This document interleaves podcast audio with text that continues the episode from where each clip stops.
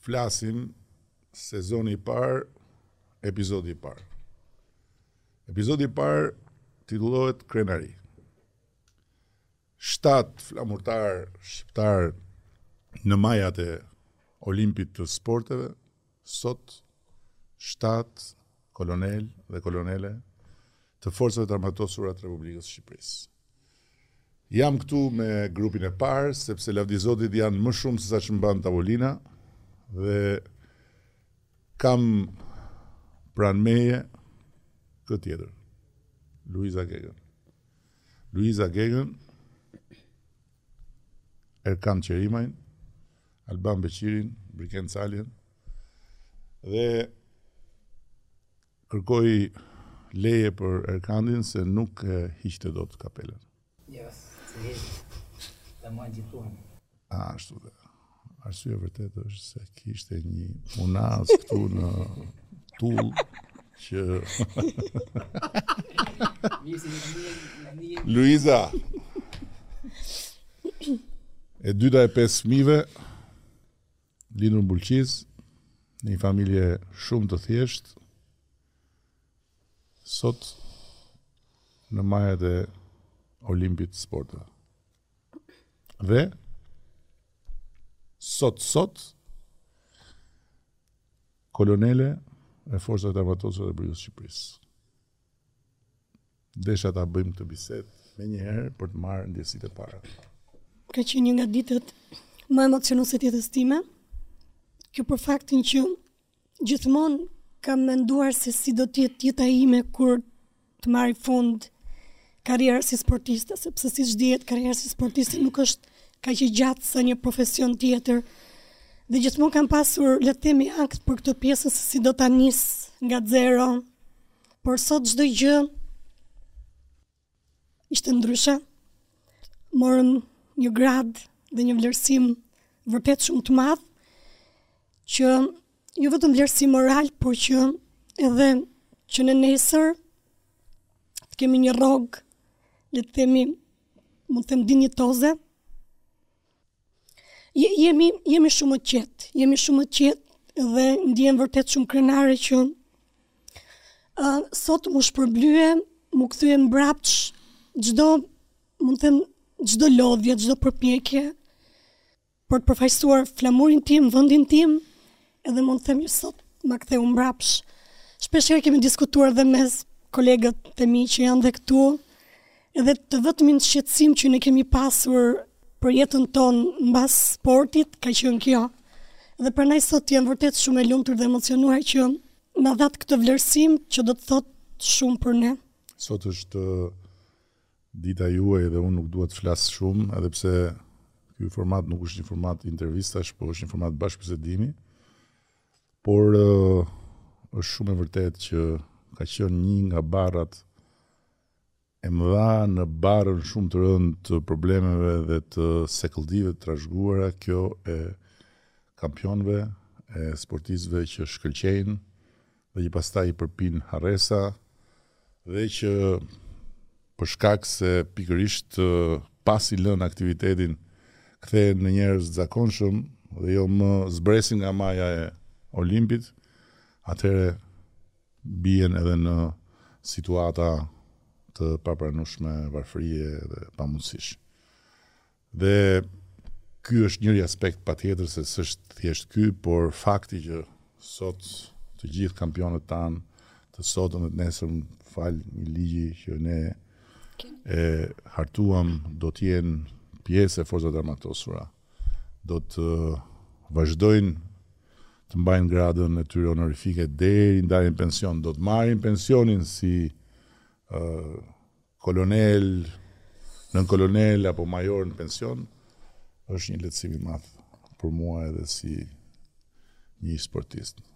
Pavarësisht se nuk kam qenë i niveleve që mund të krahasohen me ju dhe madje madje ndoshta as duhet ta përmend fare që kam sportist kur kur jam pranë jush. Ndërkohë që kam një një arsye tjetër të rëndësishme për ta bërë këtë bisedë sepse përtej asaj që sjell sporti për ju, përtej asaj që sjell kjo uniformë për ju, ju jeni edhe forca e një shembulli të madh. Forca e një shembulli të madh që keni arritur aty ku keni arritur duke u nisur nga jo vetëm hiçi, por edhe nga kushte ku askush nuk do vinte një bast dy lekë, edhe kur bastet ishin të lejuara. Tani do t'i rilejojmë pikërisht për të mbështetur më shumë juve dhe gjithë sportistët. Ju ia keni dalë. Dhe dua të pyes Brikenin për Shtërmenin. Shtërmeni është një fshat brenda një fshati që rrethohet nga një fshat dhe aty pavarësisht se është një vend shumë i vogël burojnë kampion pas kampionësh deri në pikën që një djalë nga Shtërmeni ngjitet në majën e Olimpit. Radhë parë do doja ta nisja me një falënderim për ju zoti kryeministër dhe për këtë do doja t'ju falënderoja për premtimin e mbajtur rreth një vit më parë dhe bëhet realitet. Ky, kjo ditë është realisht për ne është emblema, është medalja më e madhe e karrierës tonë, sepse është ajo siguria që ne kemi për jetën pas sportit profesionist. realisht ashtu siç thatë dhe ju, uh, un kam ardhë nga një vend shumë i vogël i, i Shqipërisë, nga një fshat që realisht aty kemi pas jashtëzakonisht shumë vështirësira për të arritur majet dhe pse ka qenë thujse domethënë një njeri normal që të arrinte një medalje botërore ka qenë një një ëndërr thujse e parealizueshme, por falë këmbënguljes dhe vullnetit që Unë kisha për këtë sport, kemi pas një ekip realisht shumë konkurrues, domethënë kemi pas konkurrencë brenda brenda llojit dhe kjo ka bërë që ne të jemi këtu ku jemi sot ndër sportistët më të mirë të kombit. Kur unë fola për fshatin tënd, Ai po shikonte si nga Manhattani. Por gjithsesi Shkodra është Shkodra apo jo? S'kemi nga shkojmë. Si shkoj duke si bëj Parisit. po kur shef këtë sidomos i e. Ha? Po. Me origjinë nga Tropoja dhe po, pasardhës i një luftari të Lidhjes Shqiptare të Prizrenit Po, është unë me origjinë jam nga Tropoja dhe pasardhës i një familje patriotike që kanë luftuar në lidhjen e Prizrenit, ku që në vogli jam rrit me mendime patriotike për flamurin, për Shqipërinë dhe kanë mbizotëru këto diskutimet për të çu flamurin shqiptar, për të nderu vendin dhe ka qenë një ditë shumë emocionuese që në momentin që kam marr vesh dhe momentin që Mora uniformen edhe sot, pasi bahen 25 vjet që unë e kam fillu sportin në, në 1935. Kam fillu në 1997 në Shkodër, në një, në një periudhë shumë të, të vështirë, dhe ka qenë një vlerësim shumë i madh ky i sotmi. Ma në edhe gjithë pyetjet që na bëjnë njerëzit, se na pyesin njerëz çdo ditë që kalojmë rrugës, apo ju vlerëson shteti, apo ju vlerëson si, si duket vlerësimi dhe kjo merr përgjigjen më të madhe mas palestrës dhe mas ndryshimi që ju keni bën për shpërblimin për çdo medalje, që ishte hera e parë që u bënte shpërblimi për çdo medalje.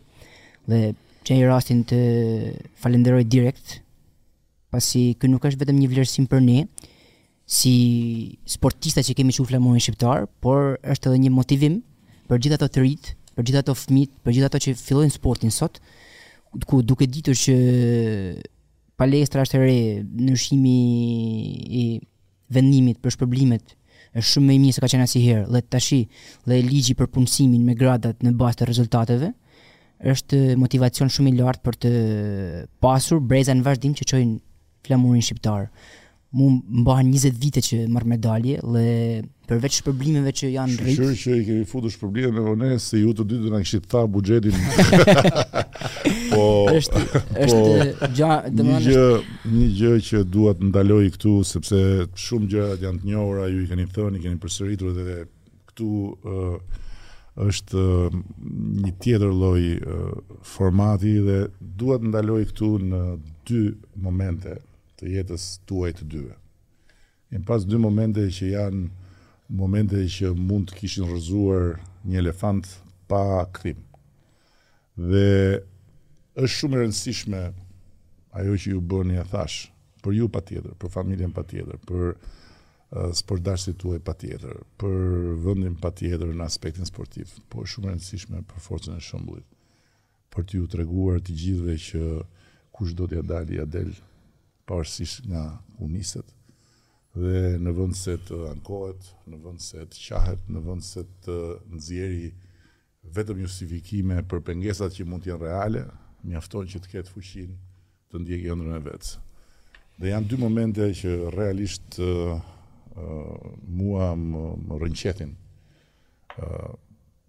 e para është goditja Pas triumfit në Europianin e dy mijë e dymbëdhjetës, kur mbas një gëzimi të madh të të gjithëve ti u godite nga një masë për substanca të ndaluara që më pas e çmontove dhe tjetra është ajo ai moment kur Brikenit i thotë mjeku stop Stop sepse ti mund të rrezikosh gjithçka dhe muskujt e tu mund të të lënë pikërisht në momentin kur ti je duke synuar majën më të lartë.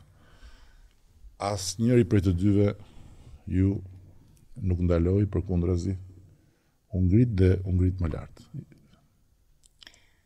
Për mua ka qenë një ndër sprovat më të forta të jetës, uh, ai moment, pasi unë edhe çdo gjë kur bëjmë momentin që bëjmë kontrollin, çdo gjë deklarojmë çfarë ne marrim, produktet, vitaminat, të gjitha këto. Dhe kur më ka ardh, di që më ka thënë babi pas 13 se nuk jetën më që Duhet shkosh në Tiranë se s'ka ndonjë analizë të mirë. Kështu ka qenë një goditje shumë e madhe e karrierës. Dhe ai person, domethënë që ka qenë një person sportist, pasi unë kisha kërkuar gjithmonë që të jenë çdo gjë brenda rregullave, çdo gjë të jetë e lejuar, çdo gjë brenda ligjit dhe çdo gjë e deklaruar në procesverbal që ne shkruajmë gjatë kontrolleve se bëjmë për çdo muaj, domethënë gjatë edhe kësaj periudhe mund të kemi bërë 12 deri në 15 teste Për një vit, pasi jemi si unë, si Luiza, si Brikeni, si Albani, jemi nën kontroll gjithë kohën, duke qenë se jemi elitarë. Dhe ka qenë një goditje, por vendosmëria për t'u rikthyer çdo ditë stërvitje pavarësisht diskutimeve që thoshin njerëzit. Pavarësisht asaj që ndodhi, që për fajin e mospasjes një mjeku që të kujdesej për këtë pjesë, sepse sportisti nuk ka për detyrë të të merret me pjesën e çfarë duhet marrë mas stërvitje, suplemente, vitamina etj etj. Domethënë duke pas parasysh që mungoshin këto instanca dhe këto që përkujdesen për ne, unë vendosa që të rikthehem edhe një herë, të rikthehem më fuqishëm pavarësisht diskutimeve dhe gjanave dhe kjo mendoj që për çdo njeri tregon momentin kur bien poshtë të ringrihet edhe një herë lart. Dhe ky është momenti që unë u ringrita edhe një herë kur u riktheva si kampion Europe nga Izraeli, ku dhe urimin e kam marrë nga ju, domethënë edhe një pritje dhe ato medaljet që janë të kopsave që nuk i harroj të homologëve që ia dhuron në, në takimet, ka qenë rikthimi dhe ajo momenti që pavarësisht çdo gjëje që ka ndodhur, Unë e vërtetova që ka qenë një gabim njerëzor, siç mund të ndodhë një aksident që del në rrugë dhe ndodh një gabim njerëzor dhe kështu është jeta, por duhet të tregojmë forcë që të rikthehemi çdo ditë dhe pavarësisht kushteve etj etj etj unë kam dalë çdo ditë stërvitje, nuk e kam lënë stërvitjen, nuk kam rënë në pjesën e pesimizmit, depresionit etj etj etj që të shkoj një rrugë tjetër, por e, Kam dalë çdo ditë, jam kujdes për pjesën që të jem sa më familjar, sa më në rregull çdo gjë, të rikthehem edhe herë aty ku më takon. Dhe jam rikthyer edhe si kampion Europe, pastaj me shumë me shumë medalje të tjera dhe kjo ka treguar se njeriu duhet të luftojë çdo moment, edhe në momente të vështira. Çfarë bën njeriu në atë moment kur ë uh, mjeku i thotë stop, ndalu dhe Nuk ndalon. Dhe sa ishe ti i vetëdijshëm për rrezikun? Ë, rasti i parë që ka qenë ka qenë kampionati botëror në Amerikë. Ka qenë realisht ka qenë një moment kritik për jetën time, sepse unë herë pas here mundohem që ta harroj këtë pjesë sepse ka qenë moment shumë i vështirë. Ë, ishte rasti për të dalë kampion bote, kanë qenë dy prova, unë kam realisht kam qenë i pavetëdijshëm, Meqë po hyja në garë, më ishte sepse pjesa e trurit nuk më mbushej me oksigjen dhe ka qenë momenti që unë aty domethënë provën e fundit kam humb dhe ndjejat, kam shku në spital, unë, unë kam shku në gjendje kome, jo një jo normal, dhe kur kam hapë sytë aty kam pa gjashtë doktorë dhe më dukej si një andrë që m'u duk ishte ajo bota me lule dhe ishte Ë moment jashtëzakonisht shumë shumë i vështirë. Ë për këto dija dhe dhe para garës se kisha bë analizat dhe i kisha jashtëzakonisht shumë të larta këto pjesën e e, e muskujve, analizën e muskujve CPK-në. Dhe ishte një moment prapë i dytë që ishte kampionati botëror i 2021-shit, e kisha gati 1000 CPK-në që ishte alarmante dhe kur po konsultoja me mjekun dhe Po po konsultonte trajneri më saktë po i thoshte, "Ky është shtru spital apo është po duke bërë stërvitje?"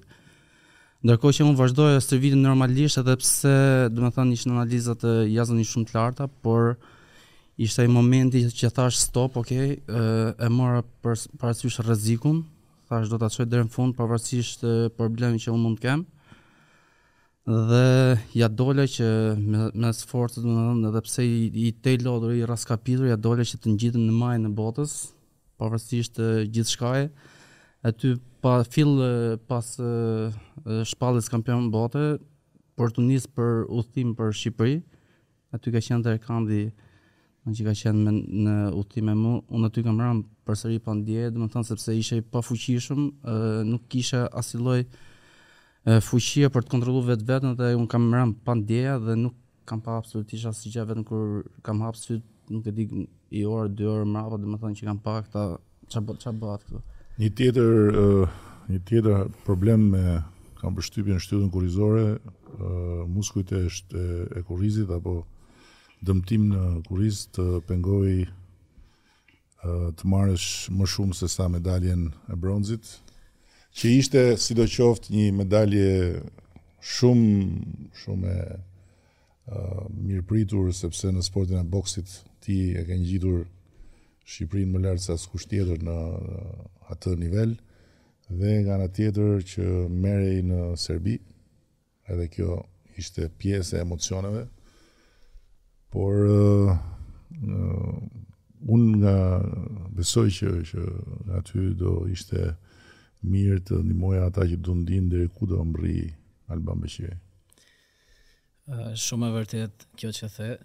Dua të nis me falenderim si gjithë kolegët për këtë vlerësim të madh dhe dua ta quaj për vete vlerësim i madh sepse siç e thatë edhe më parë boksi këtu në Shqipëri ka qenë i ndaluar për një periudhë kohore shumë të gjatë dhe vështirësia që të jemi në hapat e njëjtë me vendet e tjera ishte shumë e vështirë.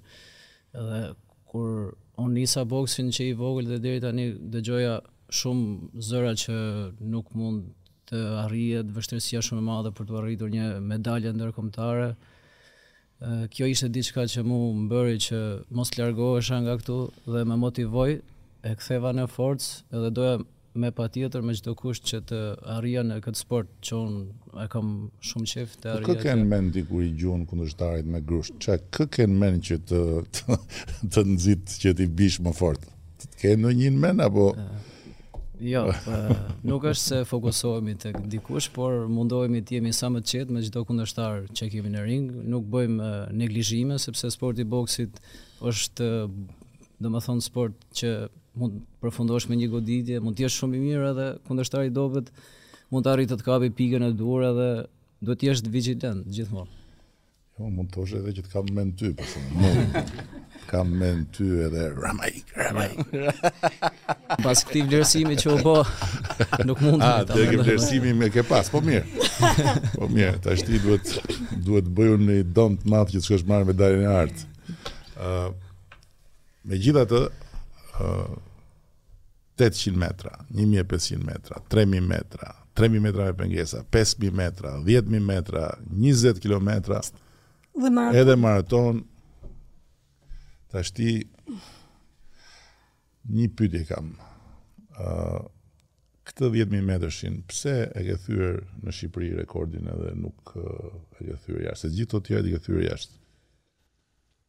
Dhjetë mijë metra kam në Shqipëri është kur bëhet maratona e përvitshme, kryesisht është shumë garë e gjatë për mua dhe zgjedh një garë, sepse duhet të jem, dua të jem patjetër pjesëmarrëse, është një nga garat më të këndshme që bëhet në Shqipëri, që është bërë tashmë e përvitshme në Tiranë, Edhe kjo është arsyeja sepse është një garë që nuk e bëj shpesh. Nuk e kam garën time kryesore, thjesht futem për ta bërë jo, cigar dhe ky ishte thjesht një kuriozitet. Por që po ajo që që është është fantastike është që uh, ti ke thyer të gjitha rekordet e Pavlina Evros. Po. Unë e mbaj mend Pavlina Evron në atë kohë që ishte sigurisht një Shqipëri tjetër, një Shqipëri pa mundësi për të dalë shpesh, pa mundësi për të bërë gjërat që mund të bëhen sot, atë që i linte kundërshtarët me distancë të madhe dhe që i mbajti, i mbajti këto rekorde për shumë gjatë, dhe ndërkohë, 29 vite. Dhe ndërkohë, ngaqë i thyve gjithë rekordet e Pavlina Evros, ti i dukesh Usain Boltin, Çfarë tha, çfarë tha Usaini kur e takove? Se Hyseni thonë në shqip Hysein Bolt. Po, nga Pavlina te Hyseni na jep. Simbol të shqiptar. Fakt. E dinte, e dinte ai Shqipërinë ku binte apo e mësoi aty? Sigurisht mësoi nga unë, isha vetëm një shqiptare që arrita të jem në atë kampionat botëror. Në fakt, rekordet e Pavlinës kanë qenë konsideruar rekordet më të vështira të sportit të atletikës, edhe dhe në momentet kur i theva nuk u mirëprit për një kohë kaq për një kohë të shkurtur mirë, sepse gjithë kohës ishin konsideruar vërtet të pathyeshme, por sigurisht kur ia theva, pastaj të gjithë u bindën që Kjo vajza paska talent dhe kur fillova pas të dhe të rëthyër tjera dhe fillova dhe të marr medalje të mdha, patjetër që u bindën, um, por që ajo që duhet ta them, është që um, të ishe vajzë ta filloje sportin siç e fillova dhe unë nuk ishte kaq e lehtë, sepse sigurisht që Kemi dalë nga një sistem jo i lehtë dhe gjithë kohës vajzat konsideroheshin jo kaq të mira për të bërë një sport të tillë dhe kam pasur pak vështirë, por që gjithmonë doja ta hiqja këtë mentalitetin edhe që dhe vajzat mund t'ja dalin. Fakt, do doja të kisha edhe më shumë vajza në këtë I kemi ndarë, i kemi ndarë sepse po flas ne kemi tryezën më të vogël se ç'kemi numrin e kampionëve shyqyr Zotit. Dhe uh, për ta mbyllur, do doja nga secili prej jush ta vinte veten në pozitën e uh, të pasurit përpara një të ri, një të re, që ju thot, unë s'kam ça bëj këtu, këtu s'i dilet, këtu është kot, unë po iki. Ça do i thoshte secili prej jush, duke u nisë nga shembulli i vetë? Ça do t'i thoshte një të riu e kanë që do të thoshte uh, unë po iki? Dhe nuk dilet, këtu nuk bëhet. Sepse ajo që Ju karakterizon juve është që të gjithë jeni nisur nga një pikë ku siç e thash, as dy lek bas nuk vinte dot njeri se do arrin aty ku keni arrit. Të gjithë keni dalë nga shtëpi, dyer shtëpish, um, familjesh aspak uh, të pasura, për ta thënë uh, thjesht, Të gjithë keni pasur mbështetje vetëm prindërit dhe të afërmit më të afërt. Emrin me përjashtim të këtij se ky ka pas një hero të madh të Lidhjes Prizrenit, po tjerët i keni emrin tuaj e keni vënë ju si tush, pra nuk ja u ka trashëguar kush, askush s'jua ka bërë rrugën lehtë dhe megjithatë ju ja keni dalë. Mendoj që duhet punu shumë dhe atëherë të prit për të pritë rezultatet dhe për të pritë për çfarëdo fushe, meqë po flasim për gjitha fushat. Nuk e, duhet mërzi direkt për gjanat. Pasi unë kur kam fillu sportin, po ta shikosh atë, po ta shikosh atë sallën, ka qenë një sallë që s'është me hi aty As me çu, as, as, me pikturu, nuk, si me thënë, as stall nuk është, kupton edhe kemi filluar aty me ambicie për të arritur rezultate dhe gradualisht, gradualisht duke punuar çdo ditë, jo se për t'u bërë sportist, siç e thatë dhe s'kishte vu kush bast. Dhe ashtu po thjesht kemi munduar që të bëjmë sport për shëndet dhe për të ecë përpara dhe gradualisht me vullnet, me punë arrihen.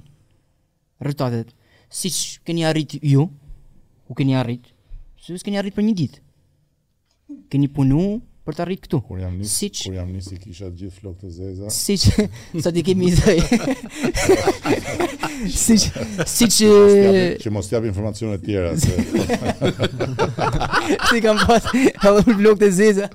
Edhe po si të gjitha ato njerëz që arrijnë si në fushën e biznesit, si në fushën e punëve të tjera, si në fushën në çdo fushë për të arrit duhen sakrifica, duhet punë dhe kal, duhen të kalojnë momente të vështira, vështirësie. Ke përpara dikë që të thot kolonel, un po largohem se ti i rregullu ke rrogë, ke punë garantume për gjithë jetën, ke pension, kurse unë këtu nuk nuk jetoj dot me këto rroga që janë këtu. Nuk ka pse të shkoj në një vend tjetër, sepse tani po bëhet mbështetja e madhe, po bëhet vlerësimi i madh, unë u bëra i pari që si të themi thyva akullin në këtë sport. Edhe e di që kam që ka shumë sportista, fëmijë të ri që e duan shumë këtë sport, sepse kemi edhe shpirtin luftarak më shumë se çdo kush tjetër dhe mbas kësaj, mbas te kjo ditë e madhe ceremonia, shumë nga boksierë të ri kanë qenë duke më ndjekur edhe jam bërë një motivim për ato dhe besoj që do stërviten shumë fort edhe do Mundohen të arrijnë rezultatet si puna ime ose më shumë se unë dhe unë ia uroj këtë gjë. Përgjigjet, Unë nuk jam nga Shtërmeni, thotë ai. Se po të isha nga Shtërmeni do vazhdoja se e kam të sigurt që do bëhesha kampion se aty nuk e di se çka ka toka, se çka ka ajri, a nuk e di. Unë s'jam nga Shtërmeni, unë nuk kam talent për sport, unë këtu s'kam ç'a bëj. Ti je në terezi, i rregulluar, mirë, unë Çfarë të bëj kolonel? Okej, okay, uh, unë do ta nis nga vetë historia që ne kemi uh, në historinë e sportit që do ta lidh me jetën sociale të përditshme, sepse në jetën e sportit kemi lidhur realisht është lidhur nga nga askush, nga zero dhe do të thoja që synimi, fokusi dhe dëshira për të arritur diçka arrihet në çdo lloj fushe, pavarësisht se ti çfarë synimi ke, por bindja për të arritur diçka Arrihet edhe këtu në Shqipëri dhe jo çdo vend që ti shkon janë dyert e hapura. Mundësia më e madhe që fillon fillon nga nga shtëpia, nga vendi që që ti je lindur. Unë jam unë jam absolutisht i bindur që është kështu siç thoni ju, po tani na duhet edhe fjala e koloneles Luiza Gega. Në fakt shpeshherë e dëgjojmë këtë gjë dhe shpeshherë debatoj formën që S'e kuptoj pjesën që pse duan të ikin dhe të mos bëjnë diçka të mirë për vendin e tyre, sepse në qoftë se bëhemi të gjithë bashkë ashtu siç jemi dhe ne sot, uh, mund të bëjmë gjëra shumë të mira dhe vërtet që Shqipëria mund të ecë shumë më shpejt përpara, por që unë sot në fakt duhet të them që jam krenare të paktën unë për sportin kur shoh që sa shumë kanë ndryshuar gjërat, edhe shpesh herë të rinjve ju them sa do doja të isha edhe një herë 20 vjeç, sepse vërtet ne kemi nisur me shumë sakrificë, fillimisht ndihesha jo e barabartë me shtetet e tjera kur shkoja jashtë dhe konkuroja, por që vitet e fundit, sidomos këto dy vite, jemi ndjerë vërtet të barabartë dhe shumë krenare për vëndin nga vij dhe për atë që që përfaqësoj. Edhe ju jeni ju jeni shëmbulli i fuqisë për të ndjekur ëndrrën që njeriu shef me sy hapur. Unë besoj që çdo ëndërr që njeriu shikon me sy hapur. Jo me sy mbyllur. Ato me sy mbyllur është mirë mos me mos me i ndjek se nuk i dihet se ku po vjen. Po me sy hapur. Ë uh, dhe ka kurajon, ka forcën, ka durimin, ka uh, vullnetin, ka energjinë të shkojë drejt ëndrrës, të ngrihet, të rrëzohet, të ngrihet, të rrëzohet, ia del. Leo Messi, kur ishte i vogël, ishte një fëmijë që nuk rritej, kishte problem me gjëndrën e hipofizës, mjekët i thoshin prindërve ky nuk rritet. Ai thoshte unë do luaj në Camp Nou. Dhe ai arriti të luajë të luajë në Camp Nou dhe shumë më tepër se kaq. Ermonela Jaho që është soprano e jona e famshme, ka qenë në liceun artistik, nga një familje e varfër, nga të gjitha ato gocat që ishin aty dukej ajo që s'kishte shans dhe që thoshte unë një ditë do këndoj në La Scala dhe arriti të këndojë në La Scala. Shtrëbeni dihet një ditë do të ngjitem dhe unë të marr medaljen dhe ja ku erdhi medalja. Unë nuk i nënshtrohem kësaj goditjeje të madhe dhe këtij poshtrimi publik që të më që të lë t'i lë fëmijëve të mi, t'i lë familjes time, t'i lë kombit tim njollën e tmerrshme të njeriut që u ngjit në, pod, në podium me substanca dhe unë do ringrihem dhe ja ku jemi. Dhe për të ardhur te Luiza që e nisi që nga Bulqiza e largët, erdhi në Durrës, vrapoje, vrapoje, vrapoje, vrapoje, deri ku ra në krahët e Usain Bolt. Unë ju uroj çdo të mirë edhe shpresoj shumë që do të na sillni medalje të tjera. Tani që e morëm përsipër nuk kemi nga lujm ju medaljet ne shpërblimet. Kisha të përgëzoj edhe për këtë podcast dhe ishte shumë interesante dhe gjitha pyetjet pikante. Po të mos bëhem servil tash. Hajde. Nderime, nderime, nderime, nderime. Edhe Zoti e bekoft Shqipërinë.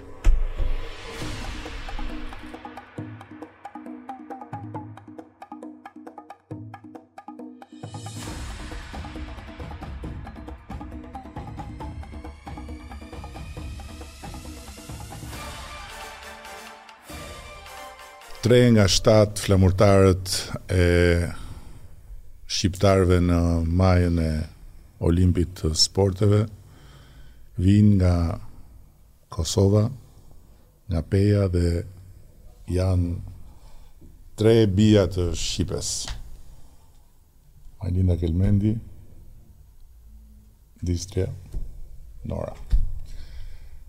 Dhe jam shumë i nderuar që të zhvillojmë këtë bashkëbisedim i cili zanafillën e vet e ka kur Nora dhe Distria erdhën së bashku me trajnerin e tyre Driton Kukën në Shqipëri, në bregdet, Dhe sollën me vete medaljet e arta.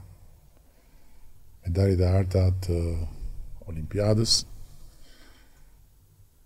Ishte një vizitë shumë prekëse, por ajo çka do të mbetet e shkruar në memorien time ishte një kërkesë shumë e thjeshtë për t'u bërë qytetare të Republikës së Shqipërisë, për të marrë pashaportën kuqezi. Sot, së bashku me Majlindën, Nora dhe Distria janë jo vetëm qytetare të Republikës së Shqipërisë, por dhe kolonele të Forcave të Armatosura të Republikës së Shqipërisë.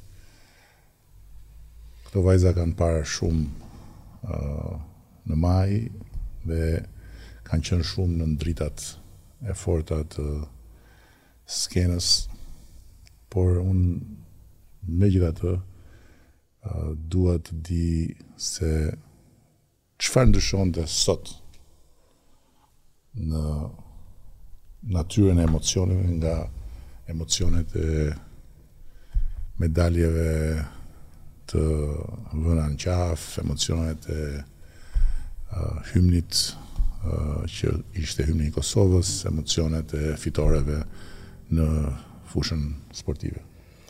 Gjatë fjalimit tuaj ju e përmendët që në përgjithësi Shqiptaria edhe ma par ka pas sportista t'mëdhej edhe që fatkeqësisht për shkak të mospërkrahjes është dasht me shku në shtetet tjera, me përfaqësu shtetet tjera. Jo pse kanë dashtë, po pse rrethanat jau kanë imponu.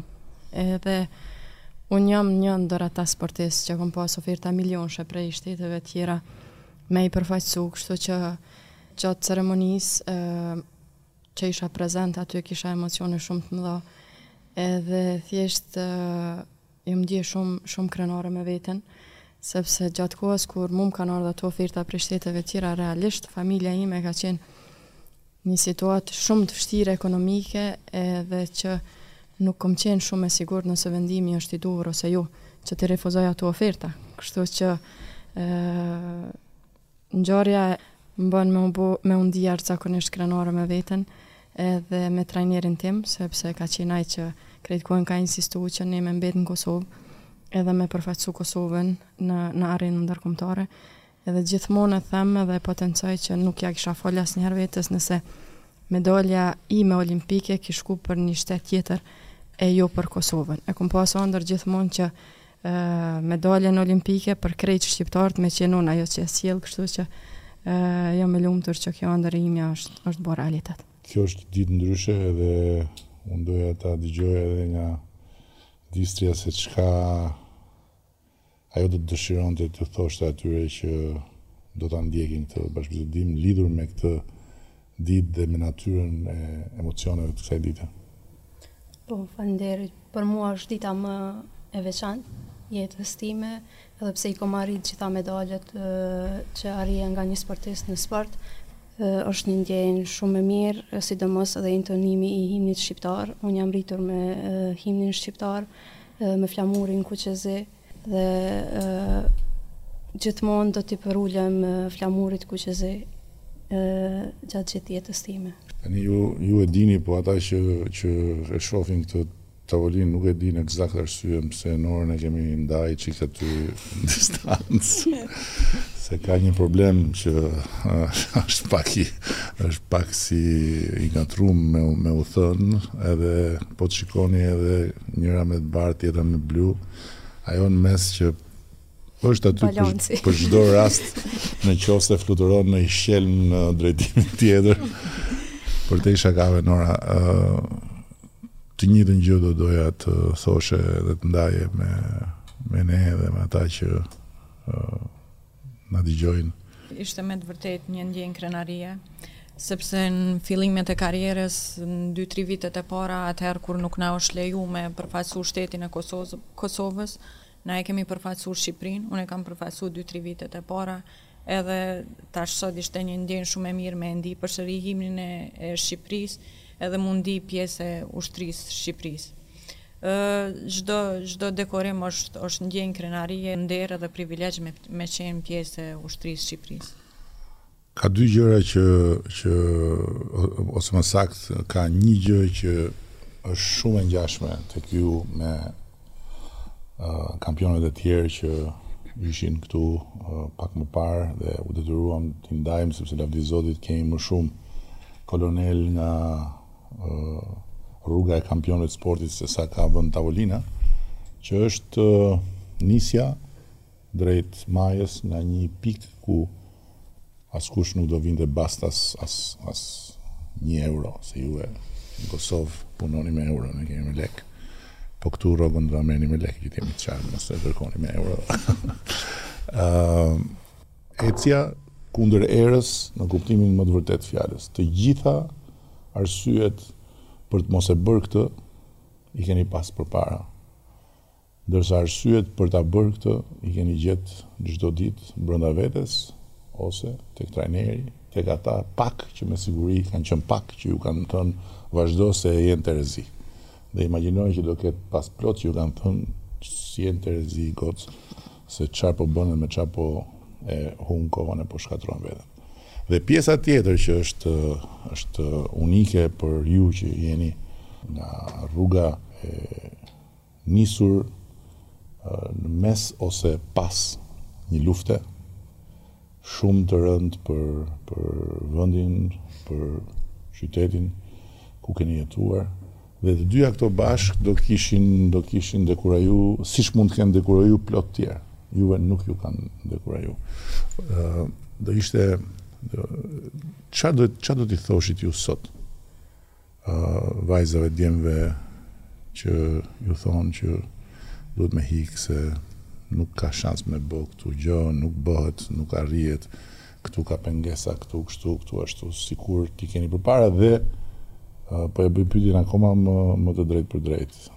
Uh, si kolonele e forcave të armatosura, ke përpara te një vajzë që thotë unë nuk vij. Mbas teje nuk vij mbas juve sepse s'ja vlen. Duhet me ik. Realisht un ma shumë se gjithë sportistat e tjerë kom pas probleme gjatë karrierës time. Un moshën 18 vjeç kom qenë kampione evropiane edhe botërore për juniorë. Pastaj kom fitu normën olimpike edhe Nuk më është leju me marrë në lojëra olimpike pjesë për Kosovën. Kështu që realisht gjatë një, një periudhe gjatë karierës time, e, i kom pas dyrt të mbyllura, pothujse në t'gjitha ant. Pastaj në vitin 2013, pavarësisht e, që jom bo kampione botërore, e, prapë se prapë, në për gara ndërkombtare, kampionate evropiane e botërore, nuk më është leju me marrë pjesë për Kosovë. Me qenë prezent flamuri ynë, himni ynë, kështu që në momente të caktuara gjithmonë është duk sikur ë nuk po ka zgjidhje, nuk po ecë. Mirëpo e mira e së mirës është që ne jemi shumë me fat, edhe prej një qyteti të vogël siç është Peja. Ne kemi taku Tonin, trajnerin tonë, i cili derisa jam bo unë kampione botërore në vitin 2013, gjithçka ka ka funksionu me mjete vetanake. Ne kemi qenë me fat që Toni edhe familja e tij kanë pas punë të mirë financiarisht, edhe uh, ata kanë pagu gjithçka për ne, si gara, përgatitje e gjithçka tjetër. Mirëpo, deri në vitin 2013, uh, ka qenë shumë shumë e vështirë për Tonin, ka qenë trajner, ka qenë menaxher, ka qenë psikolog, uh, ka qenë gjithçka çka është e mundshme. Edhe uh, shumë shpesh ka ndodh që jo, jo që nuk e kanë përkrah, Po kanë kanë ditë me i nxjerr telashe, me i nxjerr probleme. Ë kështu që ne nuk jemi ndalë asnjëherë, ë do me thonë që ndoshta për plot 10-12 vite realisht kemi qenë unë edhe Toni kundër krejt botës pavarësisht se sa na kanë injoru, na kanë neglizhu, nuk na kanë leju me marrë pjesë, në momente të tilla ne jemi bo shumë të fortë, na është rrit ego, edhe thjesht na kanë bo edhe ma shumë me e dashtë vendin prej cilit vijmë, edhe ma shumë me dashtë atë at, ndjenjen që me i bo krenar vendin, popullin. Kështu që unë ju kisha thonë t'rive që përderisa e, sot, e, ne të trija jemi kampione olimpike, Distria është shpallë një herë më e mira në botë. Unë jam shpallë tri herë më e mira në Evropë, tri herë më e mira në botë. Vitin e ka- kalum kom hy në libër të Ginisit. Kështu që përderisa ne prej një qyteti të vogël të Pejës, me një milion probleme që kemi pas derisa kemi arrit këtu, nuk jemi ndal, atëherë sot është gjithçka shumë më e thjeshtë. Sot të paktën kur nisesh me shku n'gara, nuk del dikush me thonë që Ej ku je nis nuk mundesh me me e përfaqësu Kosovën ose Shqipërinë të paktën këtë problem nuk e kanë nuk janë përfshi më, ku ta di unë probleme politike siç kom qenë unë në momente të caktuara pa dashje e, pavarësisht që kom qenë sportiste e, më kanë detyruar dhe më kanë shti ndoshta në binar e, politik edhe Pse unë s'kam pas dëshirë. Kështu që sot gjithçka është shumë më e thjeshtë, shumë më e lehtë. Kushtet për me stërvit janë shumë më të mira. Ne kemi stërvit në një sallë ku ka qenë temperatura minus 10, minus 15 dimnit me rroba ndoshta 2-3 kilogram në trup na është dashur me stërvit, përderisa sot nuk e vrejnë n'sallë a është dimër, a është verë, Edhe gjithçka është shumë më e lehtë, thjesht duhet me pas vetëbesim, përkushtim edhe punë. Dëgjova si tha, unë dhe Toni thotë kundër gjithë botës. Apo ti ku ishe? Apo Isha edhe unë aty po more. Ehm, me të vërtet, uh, o konë shumë vështirë në fillim, sidomos për ne që kemi qenë të parat unë edhe Majlinda, uh, ndoshta kemi ushtru pa, pa e dit hapin e radhës, kemi ushtru pa, pa dit Për çka po ushtrojmë? Nuk e kemi dit, sepse Kosova në, në atë kohë nuk ka qenë e pranume në asnjë lloj organizatë sportive. Nuk, nuk i kemi ëndru garat e tilla t'mdhaja si kampionate evropiane, botërore, sidomos lojnat olimpike. Unë kom fillu me, me ëndru për lojna olimpike, mbasi Majlinda e ka fitu medaljen e artë. Atëherë kom fillu me mendu, deri atëherë unë kom ushtru pa pa ndonjë arsye, kom kom besu në trajnerin, punën që po bën, kom bo punën që më ka më është dashtë në stërvitje për çka jam shku, edhe kështu kom vazhdu Po me përgjegjësinë, me përgjegjësinë e re që ke tani. Po. Pavarësisht se Majlinda nuk është më aktive në tapet si sportiste, po është aktive si trajnere, dhe si ndihmëse e kryetrajnerit ti je akoma në tapet, por po. në të njëjtën kohë keni edhe përgjegjësinë e re në kuptimin që kjo gradë është honorifike patjetër, po është më shumë se sa kaq. Është përfshirja juaj në Forcat e Armatosura si shembuj, si mentor, si njerëz me eksperiencë të jashtëzakonshme psikofizike dhe për t'i për të për të ndihmuar më tutje në formimin e tyre ushtarëve, të forcave speciale etj etj për ty dhe sot është akoma herët për të menduar për këtë, po shumë shpejt do të vijë dita që do të duhet me me me, me bë edhe këtë. Çfarë do t'i thuash ose si do t'i flasësh atyre që ke përballë dhe që mendojnë që ajo që ti kërkon ose ajo që puna kërkon ose ajo që ushtria shqiptare kërkon nuk arrihet, nuk vlen, nuk është shumë vështirë. Po gjatë këtyre viteve në sport unë kam mësu shumë shumë sende, për përkushtimin, këmbënguljen, sakrificat që duhet me bo, edhe po mendoj që të njëjtat këto vlera me me i qitë edhe te ushtria ushtria e Shqipërisë. Mendoj me vazhdu me i promovu vlerat, vlerat e grave të forta shqiptare, edhe me tregu se se sa fort punojmë edhe se kur ne gratë sidomos vajzat apo gjithë duke përfshi gjithë t'rinjtë kur kemi një qëllim e arrijmë sidomos nëse e kemi mbështetjen e duhur tash siç tha Majlinda është gjithçka ma lehtë është një rrugë e hapur Edhe edhe dihet që çdo gjë është e mundur. Edhe po mendoj që përve, duke nda historinë tonë, eksperiencën tonë, përvojën tonë gjatë këtyre pothuajse më shumë se 20 vite në sport, na kemi me, me i motivu edhe me i frymëzu gjithë pjesëtarët e ushtrisë apo gjithë të rinjtë, sidomos gjeneratat e reja që dëshirojnë me ndjek njëjtën rrugë.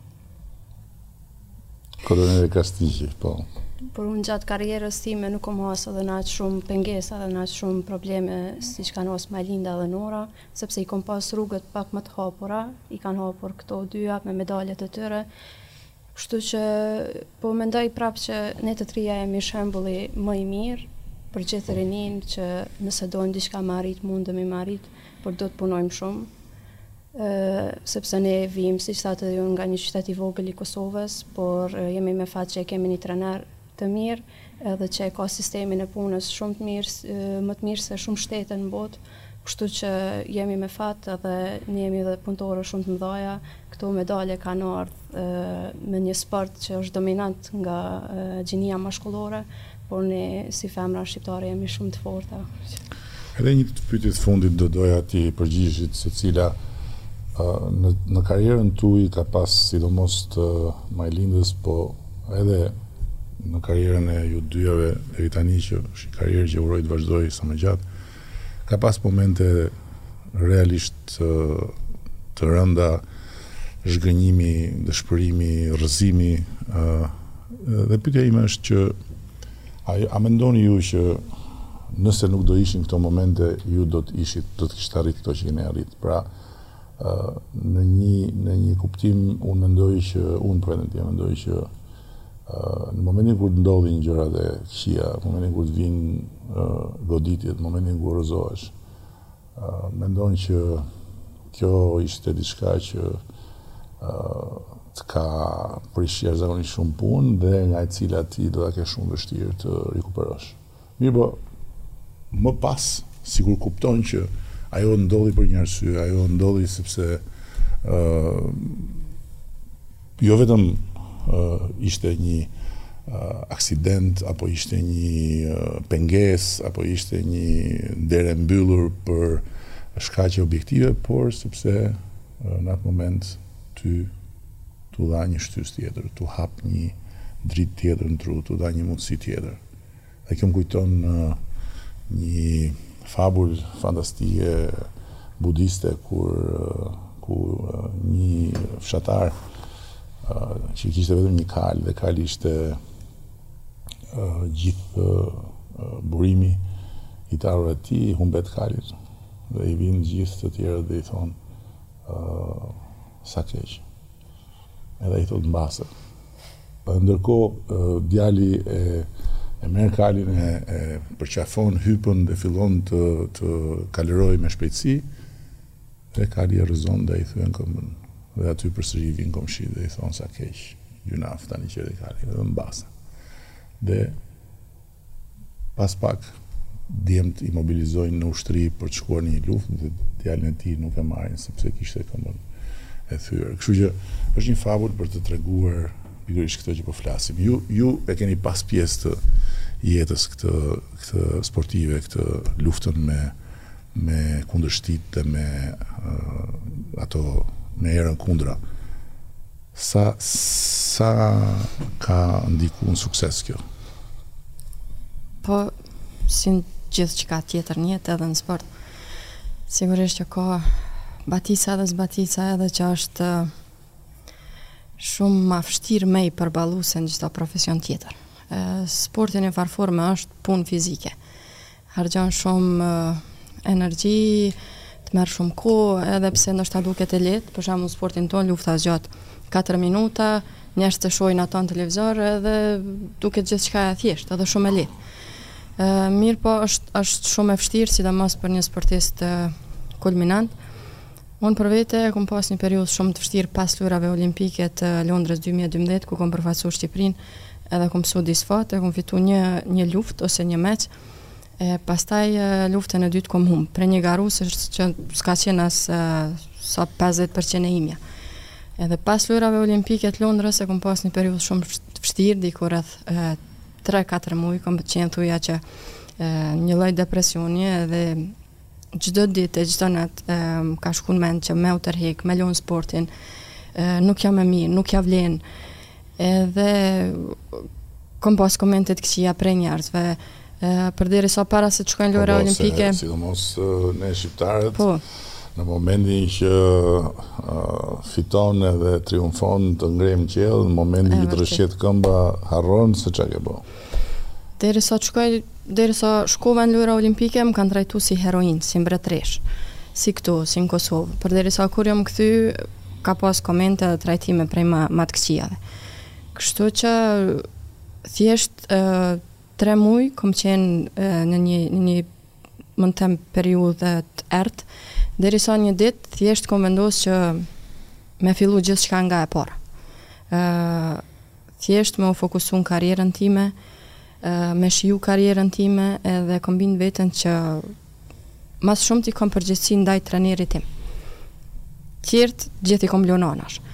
Edhe në momentin që kom fillu me, me mendu kështu gjithçka ka shku qysh ma s'miri. Në vitin 2013 jom bo kampione botërore, në vitin 2014 jom bo kampione botërore, 2015 jom lëndu, 2016 jom kthy edhe ma e fortë jom bo kampione olimpike, Kështu që për plot katër vite rresht e kom pas vetëm një humbje. Ë vetëm një një luftë ose një meç të humbur. Diçka çka është shumë e vështirë me u arrit në sportin tonë. Dis s'ka pas probleme të kësaj natyre rrugës. Ke pas një goditje fizike të që të ka kriju problem lëndime, shqetësime apo? Lëndime të mëdha jo. Po ke pas momente që që ke thënë pse merrem me këtë punë, po. ta lë fare apo. Unë më shumë kom pas problem me kilogram, sepse xhudo është një sport që garohet me kilogram.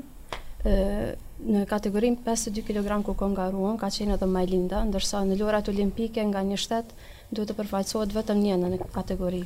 Kështu që unë dhe Majlinda kemi qenë në të njëjtën kategori. Nuk bashkëpunove me atë për ta Nora është një kategori më jo, lart. Jo, nuk kishe bashkëpunu për ta jo. për ta plagos. pra kjo ka qenë për mu sfida ma e rëndë se është dasht me zbrit një kategori më poshtë, me hjek kg. Unë atë kohë peshoja diku 59 kg dhe Duhet të garoja në dyzet e tetë kilogramë. Kështu që për mu garimi në çdo muaj, pothuajse çdo muaj. Dhe të pëlqen të hash apo si është kjo punë? Ça të pëlqen më shumë në ushqime. Ëmbëlsira, ama ato ato janë më të shëndetshme, po. Ëm sporti i xhudos ma ka forcu mendoj shumë karakterin. Sepse për mendoj që për me pas jetëgjatësi në sport duhesh me me ditë me u përballë me humbjen. E në sport t'xhudos gjithmonë ka me pas humbje fitore. E një mënyrë qysh qysh e kom arrit deri këtu ose e kom vazhdu është jom mundu me e trajtu njëjtë si humbjen si fitoren. Nuk jom ndiku shumë prej humbjes, po as jo prej nuk jom ngrit shumë nalt pi fitores. Normal që gjatë karrierës kom pas lëndime, i kom pas tri operime, po sa herë që jam dalë përballë një sfide e kom mendu si një lloj rruge, ose nëse e kaloj, domethënë vazhdoj merrem me sport edhe jam për sport t'xhudos, edhe nëse më ka shku mendja me e lon atëherë kom thonë që unë duhet me ndërpre edhe mos mos me vazhdu, mos mu tregu e fortë. Nuk është ndonjë moment që më ka shku mendja me e lon sportin se gjithmonë e kom pa sfiduse dhe kom dashtë me e kalu këtë sfidë edhe gjithmonë më ka ardhë keq për vitet që i kom për vitet që i kom kalu në sport edhe përkushtimin që e kom pas. Kështu që sa herë ndoshta pak më ka shku mendja kom thonë jo nuk bën, unë jam qisa vite në sport edhe nuk është e drejtë tash me u dorëzu. Michael Jordani ka një shprehje shumë të bukur që thotë kam humbur kaq mijë gjujtje nga fusha, kaq mijë gjujtje nga trepikëshi, kaq mijë gjujtje të lira, kaq mijë gjujtje në sekondën e fundit dhe prandaj jam bërë Michael Jordan, sepse kam vazhduar të të gjuaj. Shumë faleminderit zonja kolonele. Dhe ishte një realisht nder dhe privilegj i madh që më qëlloi mua që të jem në këtë detyrë për të hapur këtë rrugë krejt të re për gjithë kampionet shqiptare, por prania juaj edhe përfshirja juaj në Forcat e Armatosura të Republikës së Shqipërisë është më shumë se sa kaq. Është ka një fuqi të madhe jo vetëm simbolike, por edhe praktike. Dhe unë uroj çdo të mirë dhe kam bindjen e plotë që Endi do jetë Një garanci që këtë treshe do e kemi bashkë dhe nga ana tjetër ju të treja jeni një garanci sot që do kemi të tjera kampione që me siguri janë rrugës dhe shpresoj dhe besoj shumë që edhe kjo ceremoni, edhe ky motivim i këtij finishi të një të një beteje olimpike apo botërore që përkthehet edhe në një gradim dhe anëtarësim në Forcat e Armatosura do t'i bëjë shumë vajza edhe djem mundësisht po ne ke vajzat dhe kemi shpresën dihet që të punojnë më fort dhe juve me siguri tani edhe atje në atë palestrën e Pejës keni më shumë se çfarë t'u thoni vajzave të vogla. Zoti bekoftë Kosovën Shqipërinë edhe Shqiptarët edhe vini dorën këtu jo ke jo ke Edi Rama se ky është po dorën këtu edhe zgjatën zgjatën zgjatën suksese Shumë faleminderit. Këto ishin shtatë krenaritë e mëdha ose shtatë arsyet e mëdha për të qenë edhe më krenar për Forcat tona të Armatosura, shtatë flamurtarë dhe flamurtare të majave të Olimpit të Sportit që u rreshtuan si kolonelë dhe kolonele nën flamurin kuqezi të forcave të armatosura të Republikës së Shqipërisë, dhe janë pararoja e një grupi sportistësh që do të jenë bashkë me to nënkolonelë, majorë dhe shpresojmë shumë të tjerë do të pasojnë kur po dëgjoja sot nga ata djemt se sa medalje kishin marrë, thashë po mirë që nuk u kujtuam më shpejt sepse do na kishin do na kishin shterru buxhetin e shtetit. Faleminderit.